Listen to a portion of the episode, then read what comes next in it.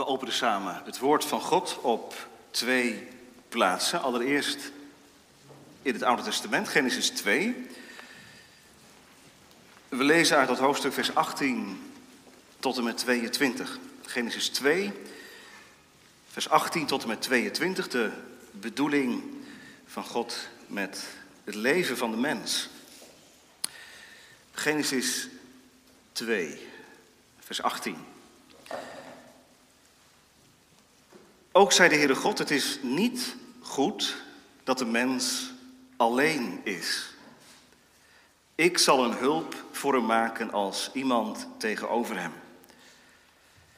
De Heere God vormde uit de aardbodem alle dieren van het veld en alle vogels in de lucht en bracht die bij Adam om te zien hoe hij ze noemen zou. En zoals Adam elk levend wezen noemen zou, zo zou zijn naam zijn. Zo gaf Adam namen aan al het vee en aan de vogels in de lucht en aan alle dieren van het veld. Maar voor de mens vond hij geen hulp als iemand tegenover hem. Toen liet de Heere God een diepe slaap op Adam vallen, zodat hij in slaap viel. En hij nam een van zijn ribben en sloot de plaats ervan toe met vlees. En de Heere God bouwde de rib die hij uit Adam genomen had tot een vrouw. En hij bracht haar bij Adam. Dat is Genesis 2. Vervolgens lezen we uit het Nieuwe Testament 1 Korinthe 7. En die twee gedeelten lijken elkaar tegen te spreken. Ik zal het in de preek ook laten zien. Wat lezen wij in Genesis 2? Het is niet goed dat een mens alleen is. We lezen in 1 Korinthe 7. Het is wel goed dat de mens alleen is. Hoe zit dat nou? Zijn er in de Bijbel tegenstrijdigheden te ontdekken of moeten we dat toch anders lezen? Laten we eerst 1 Korinthe 7 lezen, eerst de eerste negen versen. Paulus, zelf single, schrijft het volgende. Wat nu de dingen betreft waarover u mij geschreven hebt, het is goed voor een mens om geen vrouw aan te raken.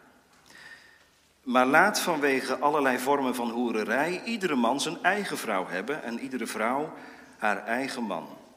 Laat de man aan zijn vrouw de verschuldigde bereidwilligheid betonen en evenzo ook de vrouw aan haar man. De vrouw heeft niet de beschikking over haar eigen lichaam, maar de man. En evenzo heeft ook de man niet de beschikking over zijn eigen lichaam, maar de vrouw. Onttrek u niet aan elkaar Behalve dan met onderling goedvinden voor een bepaalde tijd, om u te wijden aan vasten en bidden.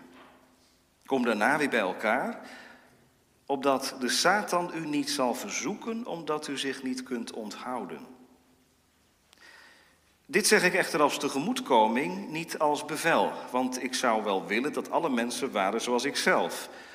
Maar ieder heeft zijn eigen genadegave van God.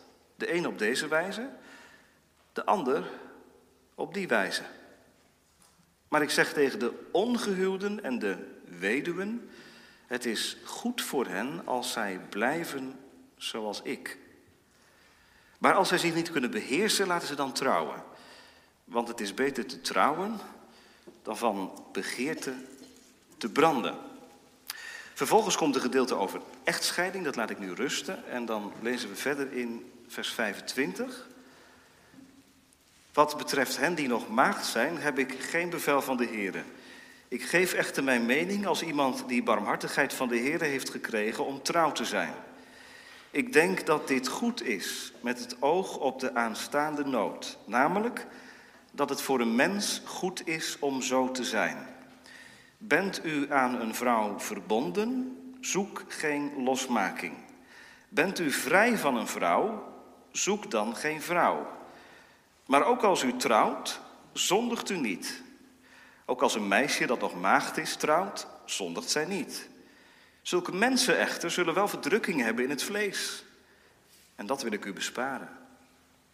Maar dit zeg ik, broeders, dat de tijd beperkt is.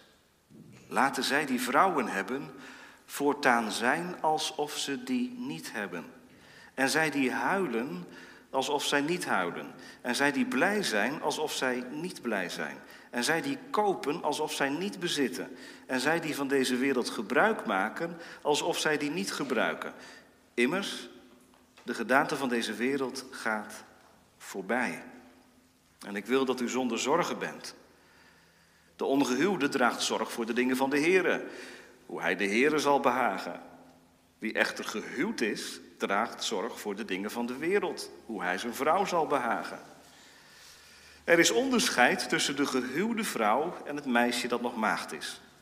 De ongehuwde draagt zorg voor de dingen van de Heer, om zowel naar lichaam als naar geest heilig te zijn. Zij echter die gehuwd is, draagt zorg voor de dingen van de wereld, hoe zij haar man zal behagen.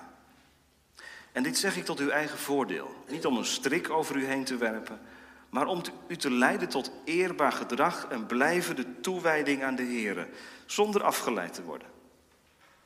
Maar als iemand denkt dat hij ongepast handelt ten opzichte van zijn aanstaande vrouw, die nog maagd is, als de jaren van haar jeugd voorbij zijn en het op deze wijze behoort te gebeuren, laat hij doen wat hij wil, hij zondigt niet, laten zij trouwen.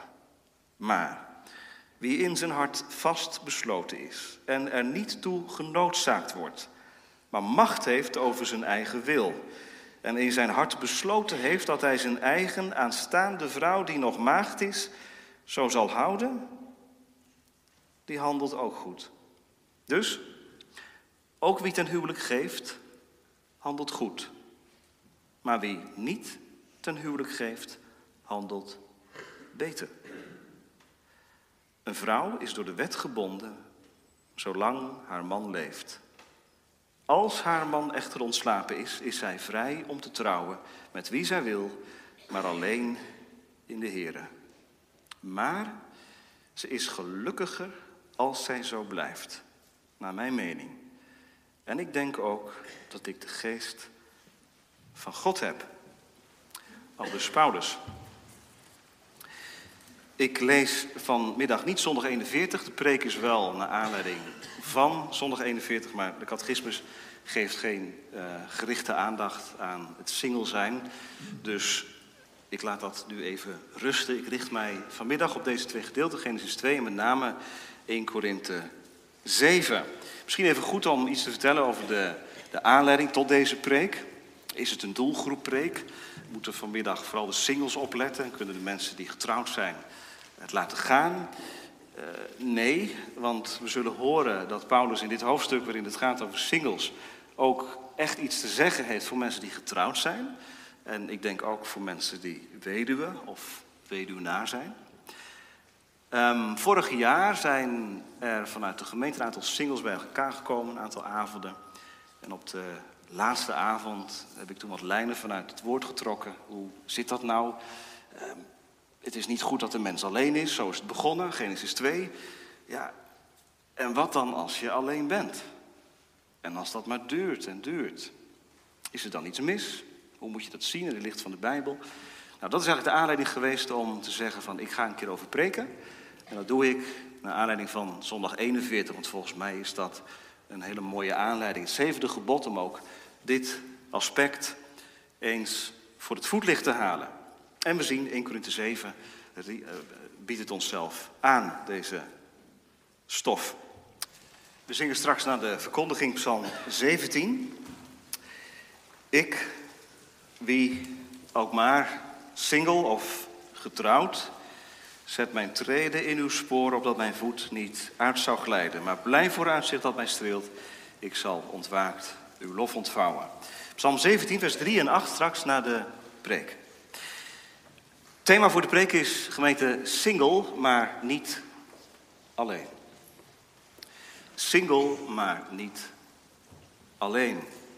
Het is niet goed dat de mens alleen is. Dat is de eerste gedachte. De tweede, het is goed dat de mens alleen is. En de laatste gedachte, het is noodzakelijk dat Christus ons alles is. Single, maar niet alleen. Het is niet goed dat de mens alleen is. Gemeente, wij luisteren vanmiddag naar onderwijs vanuit 1 Korinthe 7. Dat ligt hier op de kansel ook voor mij open. En als wij dat hoofdstuk lezen, dan denken wij dat is in de eerste plaats onderwijs voor mensen die niet getrouwd zijn. Paulus was zelf single. Maar het blijkt dat het ook onderwijs bevat voor getrouwde mensen. Ja, dat woord single, eventjes, hè. Ehm, vroeger vrijgezel of um, alleenstaand. Ja, dat klinkt ook zo, zo stickerachtig, hè? Alleenstaand en alleengaand. En zo werd het soms dan ook wel in het gebed aangehaald, in het rijtje van hulpbehoevenden. Wees met de zieken, de bejaarden, de alleenstaanden en de alleengaanden. Nou, single is een Engels woord, dat begrijpt u. is een beetje ingeburgd geraakt ook hè, in ons taalgebruik. En dat gebruik ik vanmiddag dan ook maar. Single.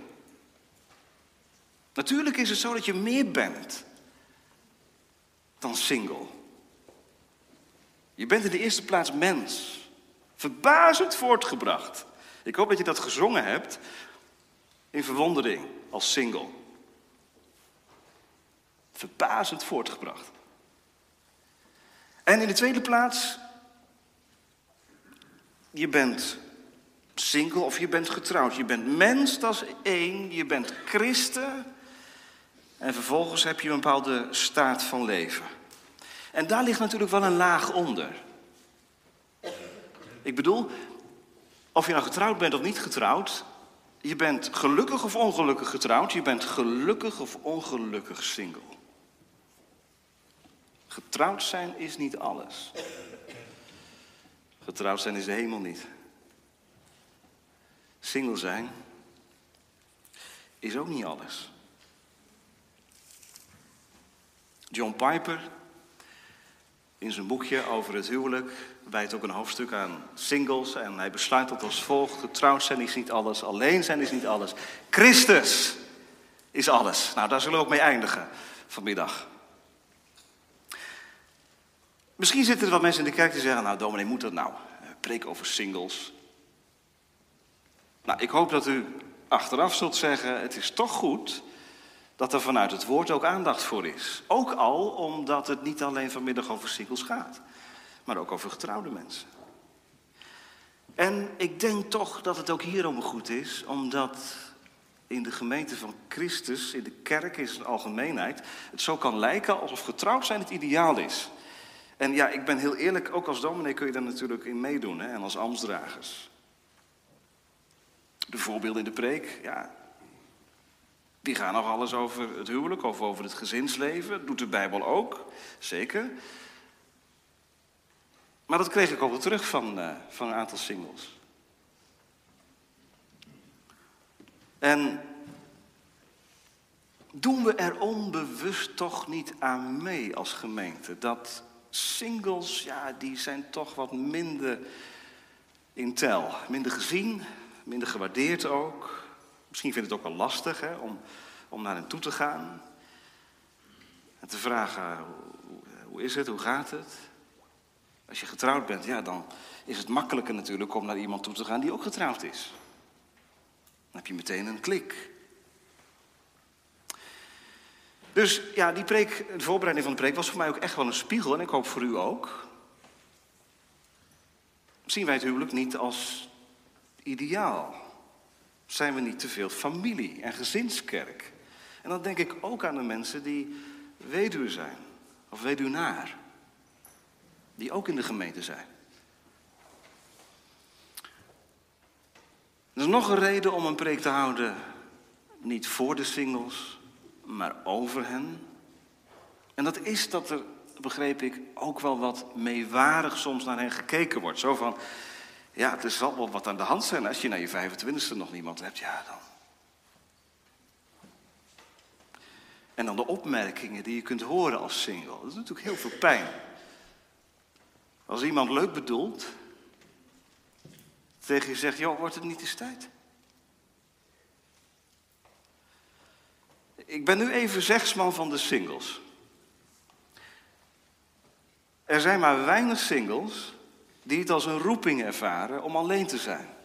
dat kunnen we natuurlijk heel mooi voorstellen. Want als je single bent, dan heb je heel veel tijd voor de Heer. Dan kun je als Paulus en als een zendeling en als een zendelinge... kun je het evangelie verkondigen. Ja, dat is een mooi droom en ideaalbeeld. En zeker, er zijn prachtige voorbeelden vanuit de geschiedenis. En ze zijn er ook vandaag. Maar niet iedere single ervaart het als een roeping om ongetrouwd te zijn.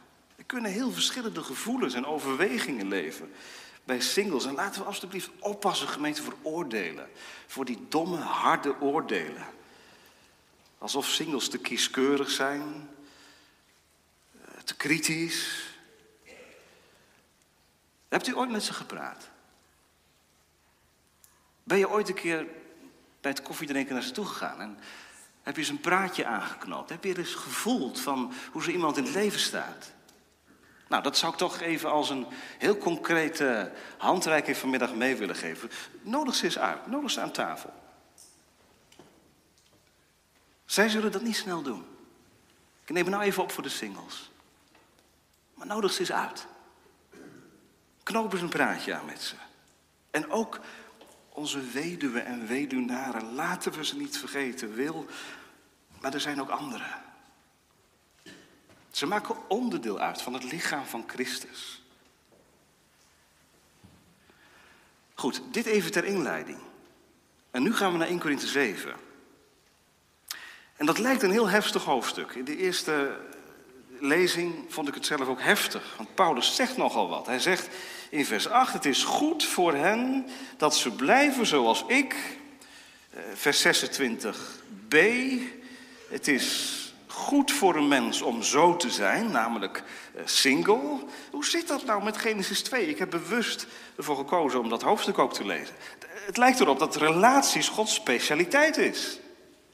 God zegt notabene voor de zondeval, het is niet goed dat de mens alleen is. En daarom zal Adam een hulp krijgen die als tegen hem over is. Nou, dit lijkt een hele ingewikkelde tekst voor singles. Het is niet goed dat de mens alleen is. Je moet dus op zoek naar een partner. Want alleen dan komt het goed. Het is niet goed dat je alleen bent. Je bent dus levenslang ongelukkig. Is dat zo?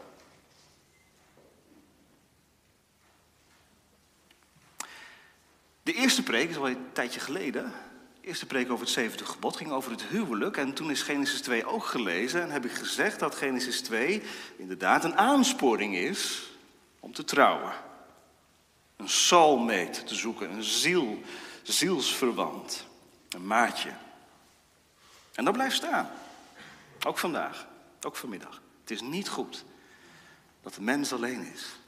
Adam heeft dat leren ontdekken toen die dieren voorbij gingen, weet u nog wel? Mannetje en vrouwtje. En hij ontdekte voor zichzelf geen metgezel. En Adam had niet genoeg aan een huisdier.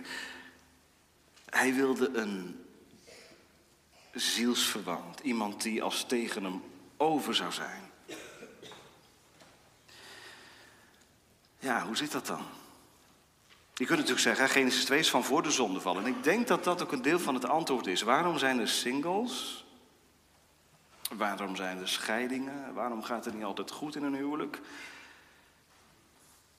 Het is niet goed dat de mens alleen is. Dat is de oproep van voor de zondeval. De zonde vreet in relaties door. En zonde,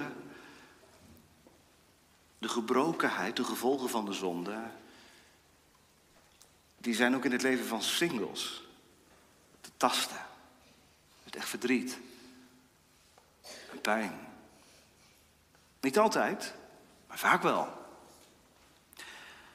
We zijn gemaakt ook als single, om met een ander te leven. Dat maakt het zo ingewikkeld en zo pijnlijk. Dan kun je voor de spiegel staan als single en denk je van, ja, wat ontbreekt er nou aan?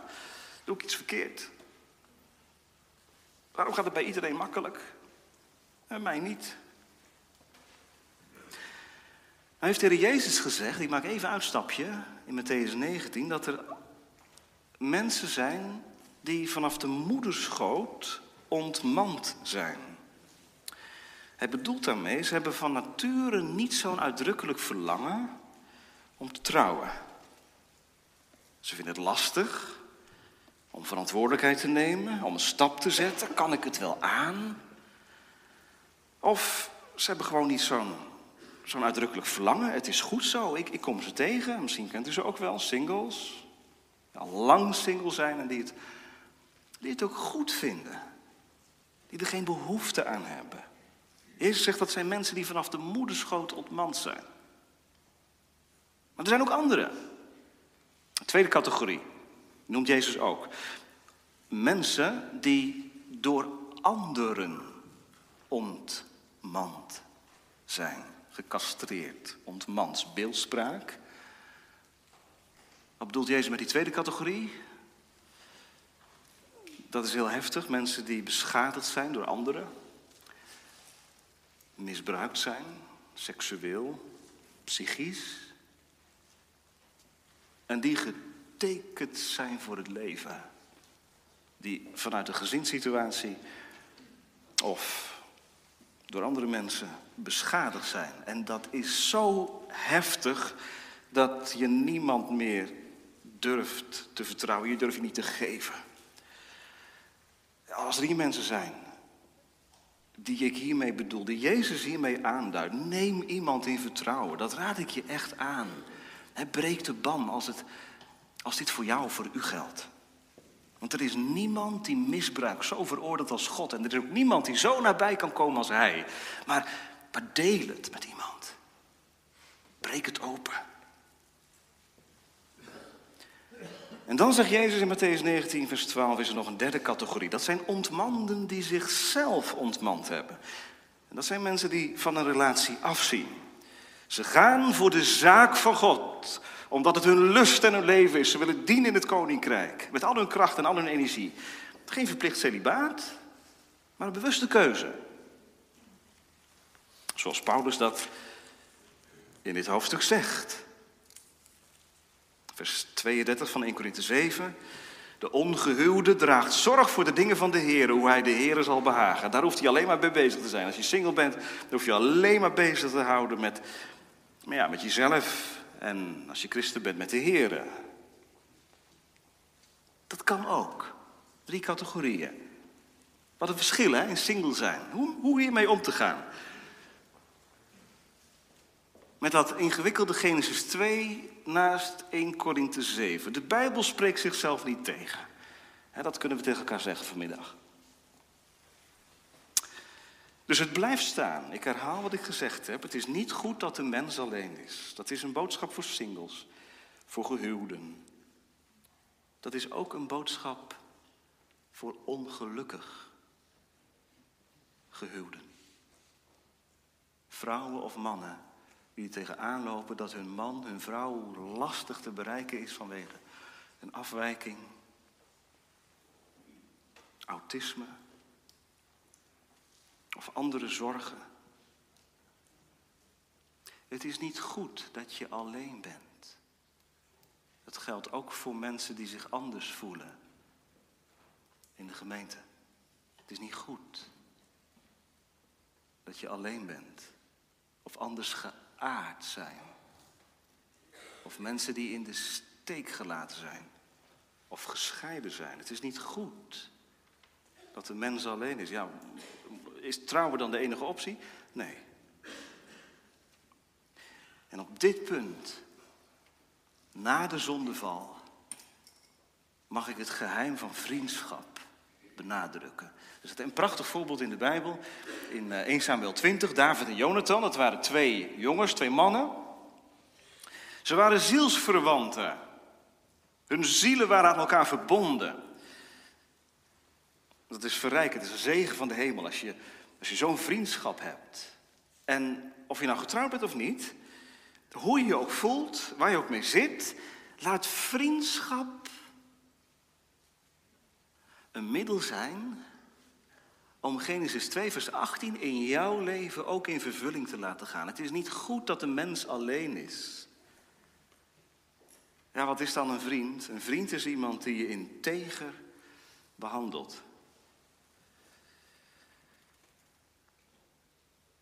Die het eigene van jou ontdekt en dat bevestigt. Door erkenning aanmoediging. Dat is een geschenk uit de hemel. Als je alleen bent, single. Een vriendin. Een vriend. En zo zijn er velen die met huwelijksproblematiek getrouwd blijven. En met een vriendschap het volhouden. Het is niet goed dat de mens alleen is. En als je geen vriend hebt, bid voor een vriend. Bid voor een vriend. En dan nog iets. Het is niet goed dat een mens alleen is. Ik kan het richting de vriendschap uitwerken. Ik kan het ook richting de gemeente uitwerken. Want wat is nou het wonder van de gemeente? Dat in een gemeente relaties, bepaalde standen van het leven, niet boven elkaar staan. Gelaten 3 is een prachtig voorbeeld. Paulus zegt in Gelaten 3, het maakt niet uit wie u bent, of u getrouwd bent of ongetrouwd, of u Jood bent of Griek, of u man bent of vrouw, u bent één in Christus. Dat is de christelijke gemeente. Dan telt dus niet, als je getrouwd bent, ben je meer.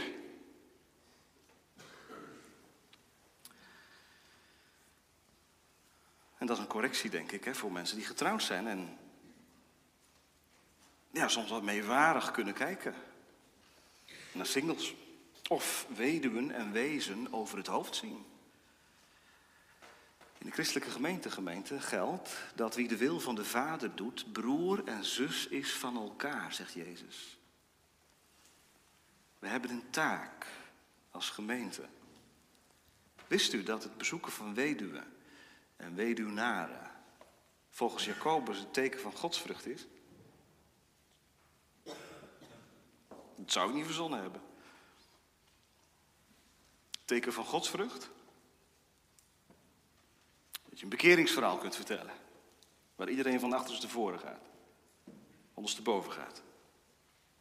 Teken van godsvrucht, zegt Jacobus, is het bezoeken van weduwe en wezen. Waarom? Nou ja, dat levert eigenlijk niets op. Tenminste, voor jezelf. Je bezoekt iemand, niemand die het ziet. Maar hen bezoeken is een teken van Gods vrucht. Want zo doet God het ook in het Oude Testament. De wees en de weduwe, die waren bij hem in het vizier. Deuteronomium 24. God is de God van de weduwe en de wees. Natuurlijk, de eerste verantwoordelijkheid is, als er kinderen zijn of kleinkinderen, dat zij ook zorgen voor vader, moeder, als weduwe, weduwenaar. Maar de zuivere en onbevlekte godsdienst van de christelijke gemeente is draag elkanders lasten. Ze gebieden de wijs voor de hele gemeente. Gemeente, onze singles horen erbij. Zullen we proberen hun lasten, als ze die hebben, mee te dragen?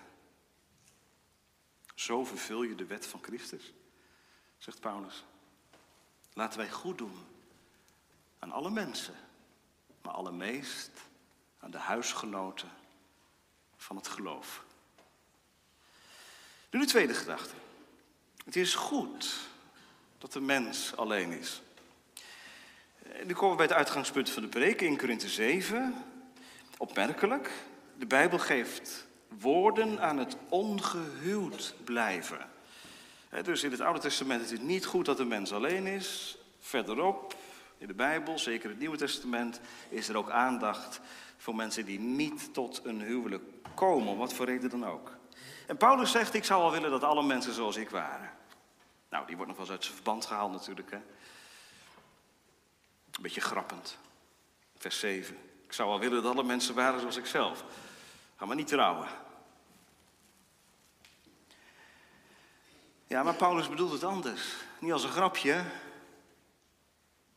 maar heel ernstig. Hij zegt in vers 7, dat is een genadegave, een charisma, wist u dat? Ik wist het niet. Alleen zijn is voor Paulus een charisma, een genadegave. Hij kan dienen in het koninkrijk omdat hij deze gave van God ontvangen heeft. En een charisma kost wat? Kost een offer, kost zelfverloochening.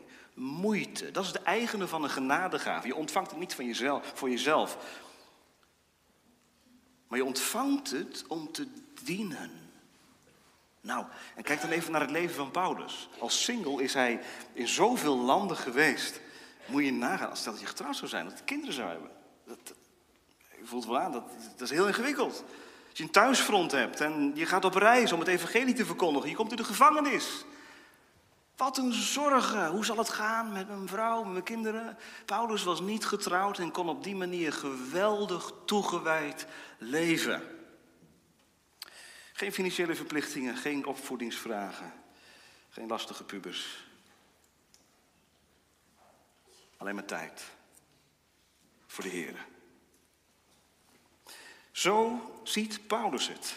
Ik kan mij toewijden aan God. En dat is eigenlijk de rode draad in 1 Corinthië 7. Mijn single zijn is een genadegave van God. Het is, het is goed dat ik alleen ben. En nu even opletten, dit zegt Paulus niet als een bevel. Vers 6. Dit zeg ik als een tegemoetkoming, niet als een bevel. Ik zou wel willen, 7, dat alle mensen waren zoals ik zelf. Maar ieder heeft zijn eigen genadegave van God. De een op deze wijze, de ander op die wijze. Dus ja, het kan ook een charisma zijn, genadegave, dat je getrouwd bent. En dat je kinderen gekregen hebt. Huwelijk is ook een offer. Kinderen opvoeden is ook een offer.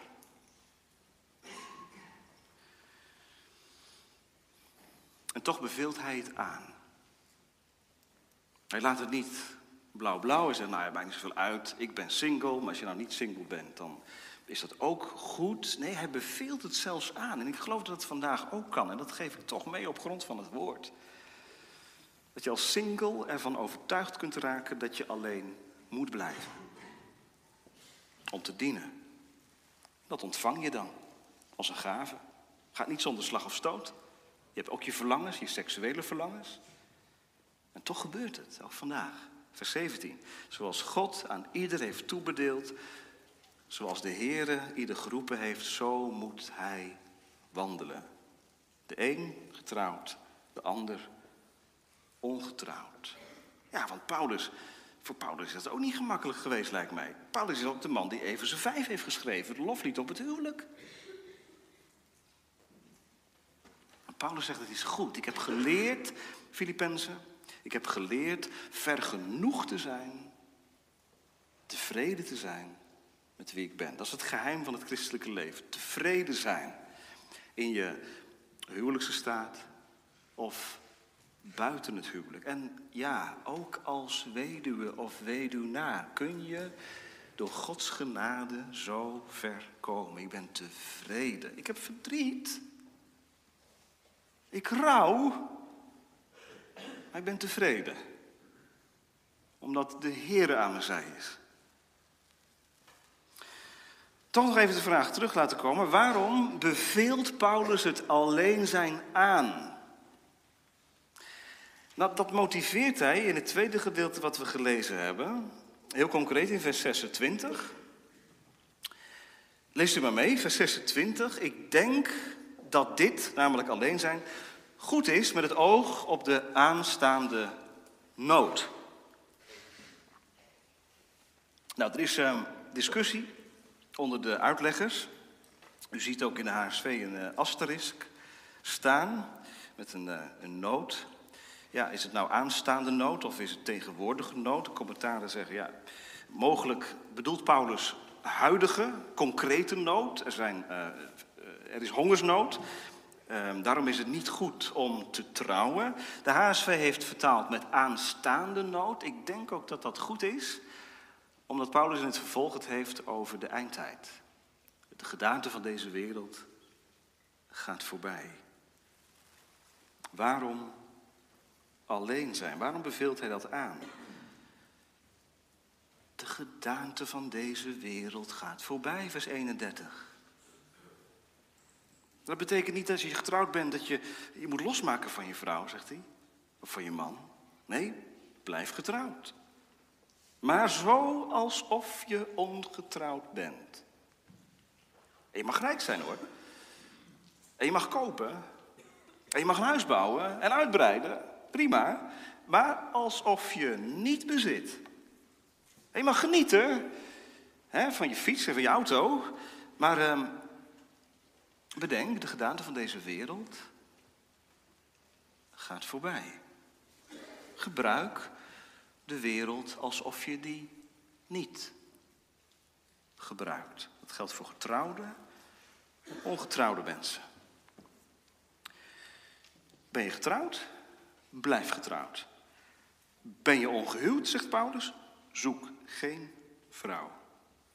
En dan zegt hij meteen achteraan, ook al humoristisch. En als je toch wilt trouwen, dan zondig je niet.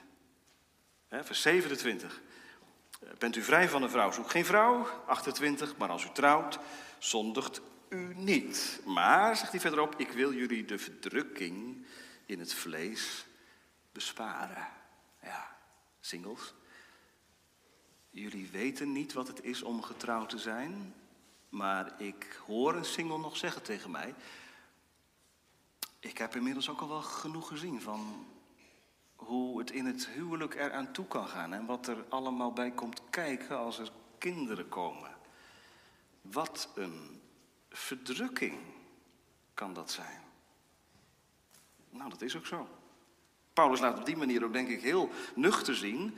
Het huwelijk, beste mensen, is heel betrekkelijk hoor. Dat is echt niet alles. Idealiseer het niet, singles. Idealiseer het niet. Hoezeer je er misschien naar verlangt. Maar nu, waarom, waarom zegt Paulus toch boven alles, hoewel die heel genuanceerd is, hè? Waarom zegt hij toch boven alles, het is beter om niet te trouwen? Weet u waarom? Omdat de instelling van het huwelijk straks in de nieuwe tijd die komen gaat er niet meer zal zijn. Het huwelijk is voor deze wereld ingesteld. En als Gods nieuwe wereld komt, en die komt snel, zegt Paulus, ja, dan is de waarde van het huwelijk maar betrekkelijk. Dit zeg ik, broeders. Vers 29, de tijd is beperkt. Het gaat voorbij. En die eindtijd, daar leven we nu in, dat is geen gemakkelijke tijd. Ouders, ik hoef jullie toch niks te vertellen. Ontwikkelingen. Die razendsnel gaan. Je houdt niet eens bij wat je kinderen allemaal kunnen met die mobieltjes. En achter de computer en zo. En dan nog even los hè, van alle ontwikkelingen in de maatschappij. Op het gebied van seksualiteit bijvoorbeeld. De geboden die op de helling gaan. Wat een tijd. Wat een tijd. En je moet je kinderen opvoeden in deze tijd. Het vraagt echt het uiterste van ons. Paulus schetst dat heel eerlijk in 1 Corinthië 7. Waarom doet hij dat zo eerlijk? Omdat hij een verlangen heeft voor, voor, voor, voor de gemeente van Korinthe. Hij wil dat de gemeente toegewijd aan de Here leeft. Dat is verlangen, dat hij de gemeente eenmaal als een reine maagd aan God kan voorstellen. Daar ijvert hij voor.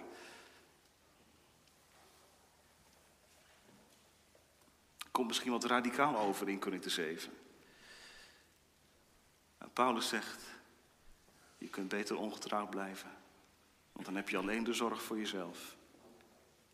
En niet voor de ander. En voor eventuele kinderen. De aandacht moet je verdelen. En het leven is al zo vol en zo druk. het is niet verkeerd om te trouwen. Maar wie ongetrouwd is, kan meer toegewijd en heilig voor de Here leven. Toch even naar de singles toe, naar de weduwen en weduwnaren. En ik bedoel echt niet de rouw en het verdriet en het alleen zijn weg te poetsen. Ik hoop dat, u dat, dat je dat begrijpt. Maar dit is toch ook echt zo, hè? Dat je als single, volgens Paulus, met meer aandacht en toewijding voor de Heer kunt leven. Dat is ook een mogelijkheid.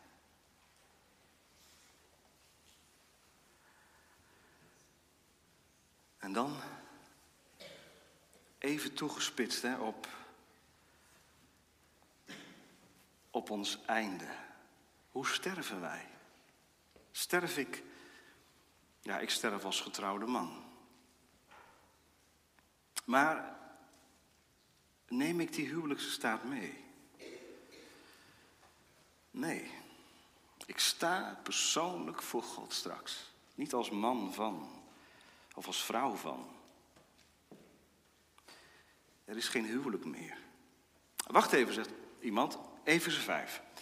Paulus heft daar een loflied aan op het huwelijk. Prachtig. Ja, maar weet je dat het ook in Efeze 5 niet gaat om het doel huwelijk in zichzelf? Het gaat daar niet om het geluk, om het sociale evenwicht in een huwelijk. Paulus heeft het uiteindelijk geschreven met als bedoeling dat man en vrouw in het huwelijk elkaar mooi maken voor Christus. Je hebt de ander gekregen op weg en reis naar de eeuwigheid. Om de ander te heiligen en jou te laten heiligen. Door die ander die in jouw leven is binnengekomen en met wie jij het leven deelt.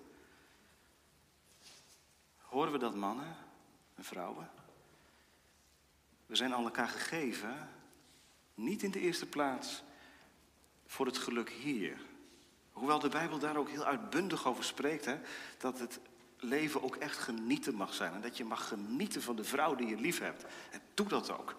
Maar, of ik moet zeggen en, het is niet maar. En bedenk, het gaat naar de toekomst. Hebben we een horizon samen? Weten we dat van elkaar? Als ik morgen dood neerval, weet ik het dan? En weet de ander het van mij? Hij gaat een hemel in.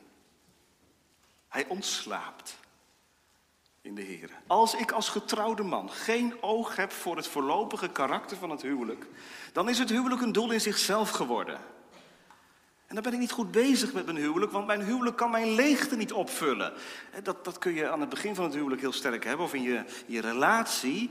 Dat je heen leeft naar het huwelijk en dat je het idealiseert. Oh, als ik getrouwd ben. En ja, die eerste dagen, dat zijn natuurlijk droomdagen. Zeker als je op huwelijksreis gaat. Kan niet op. Maar ik vraag het wel eens als, als, als stel ja, een jaar getrouwd is. En ja, we houden heel veel van elkaar hoor. Prachtig. Maar de droom, die is ook wel een beetje voorbij.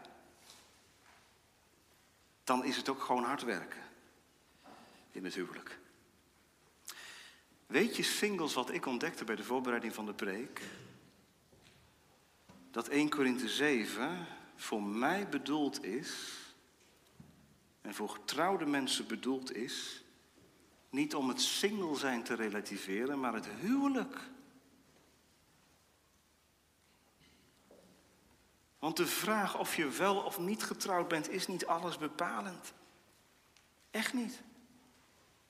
En je bent niet geslaagd als je getrouwd bent. En je bent niet mislukt als je niet getrouwd bent. Ik vind dit zo ontspannen. Het belangrijkste is dat je de Heer dient. En dat je de Heer Jezus lief hebt met een ongedeeld hart. Het zij in het huwelijk. Het zij alleen.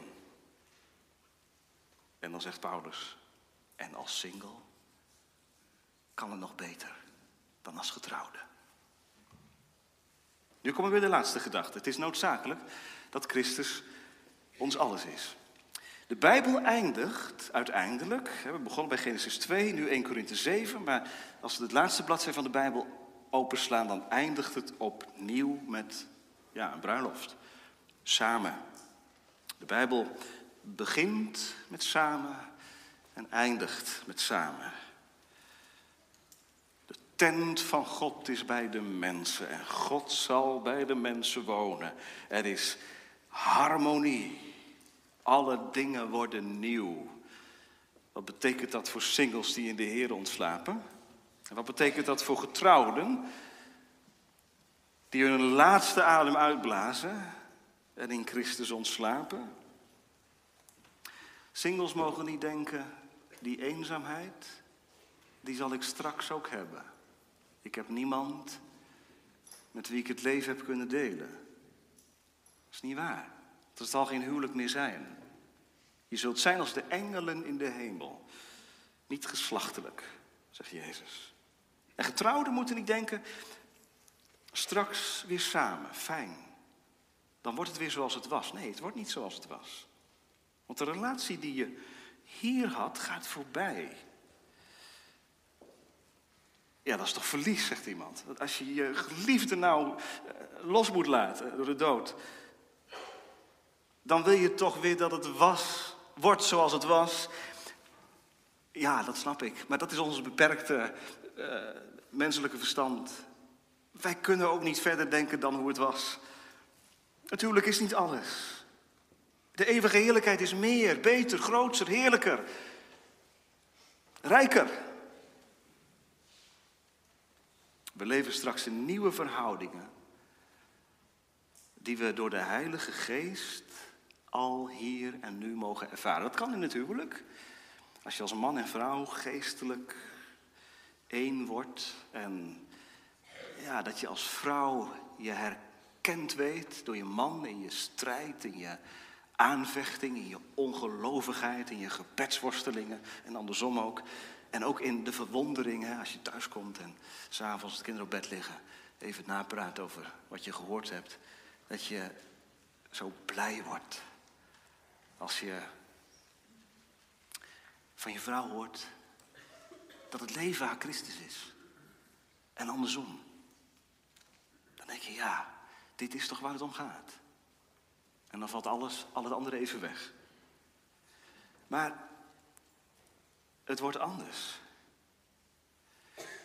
Het wordt anders. Straks leven we in nieuwe verhoudingen. Geen huwelijken meer. Maar één groot gezin. En nee, dat wordt niet ingewikkeld hoor. Echt niet. Gevoelens van jaloezie hebben we straks niet meer. Ondertussen geloof ik wel, en beloof de Heer ook, dat ik degene die ik innig lief had, straks zal herkennen.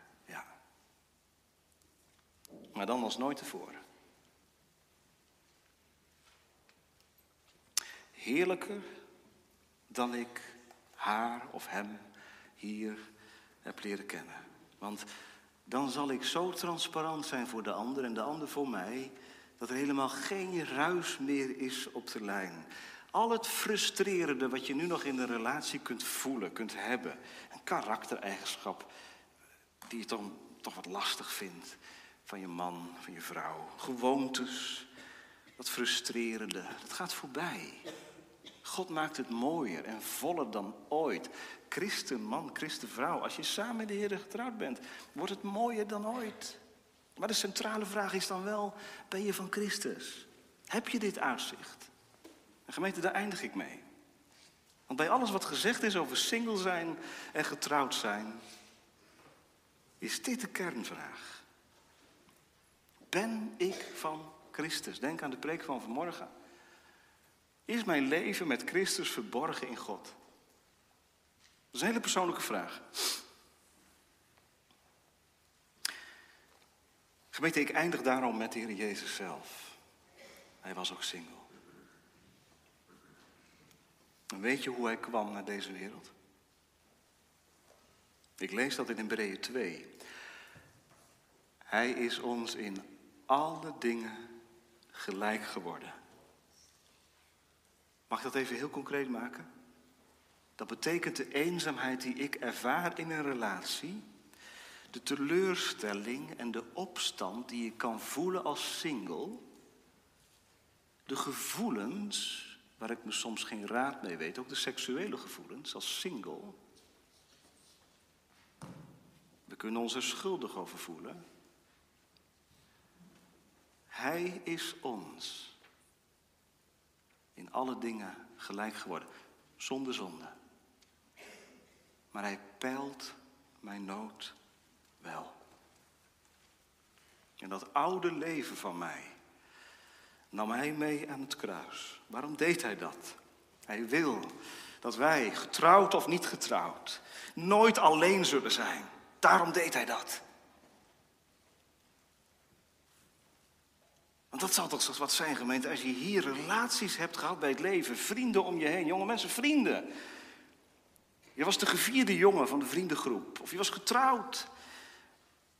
Maar je kent de Heer Jezus niet, dan ben je zo eenzaam. Want de zonde maakt je eenzaam. Dan heb je geen band met de Heer Jezus. En dat betekent dat je toekomst de eenzaamheid is, de helse eenzaamheid.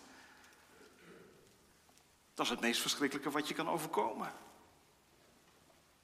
Ja, dan is dat leven hier maar kort. En daarom, gemeente, laten we vanmiddag met vrijmoedigheid toegaan tot de troon van Gods genade. Doe dat. Om geholpen te worden, om genade te vinden. Want het leven is een reis. We zijn onderweg. En waarin ligt je vreugde?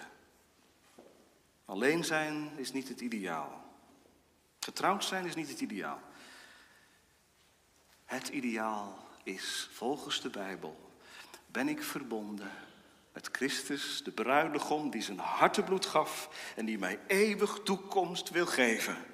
En hij dingt vanmiddag naar mijn hart, wie je ook bent. Ongetrouwd, weduwe, weduwnaar. En nog één keer klinkt het. Maar nu uit de mond van Jezus.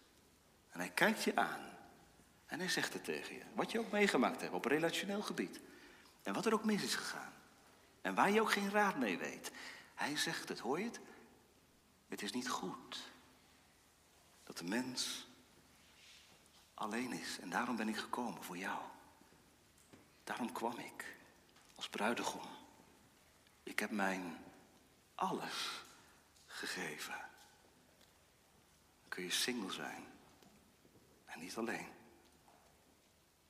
Gelukkig getrouwd. En in Christus geborgen ongelukkig getrouwd en toch niet alleen. gemeente de bruiloft komt dichterbij. De bruiloft van het lam. Heb je Jezus lief? Omdat Hij je eerst heeft liefgehad, dan is de toekomst heerlijk. Het wordt mooier dan het mooiste huwelijk op aarde. En de beste vriendschap hier beneden. Het wordt zoals Hij het hebben wil. Hij in het midden en wij om hem heen. En we zullen nooit genoeg van hem krijgen.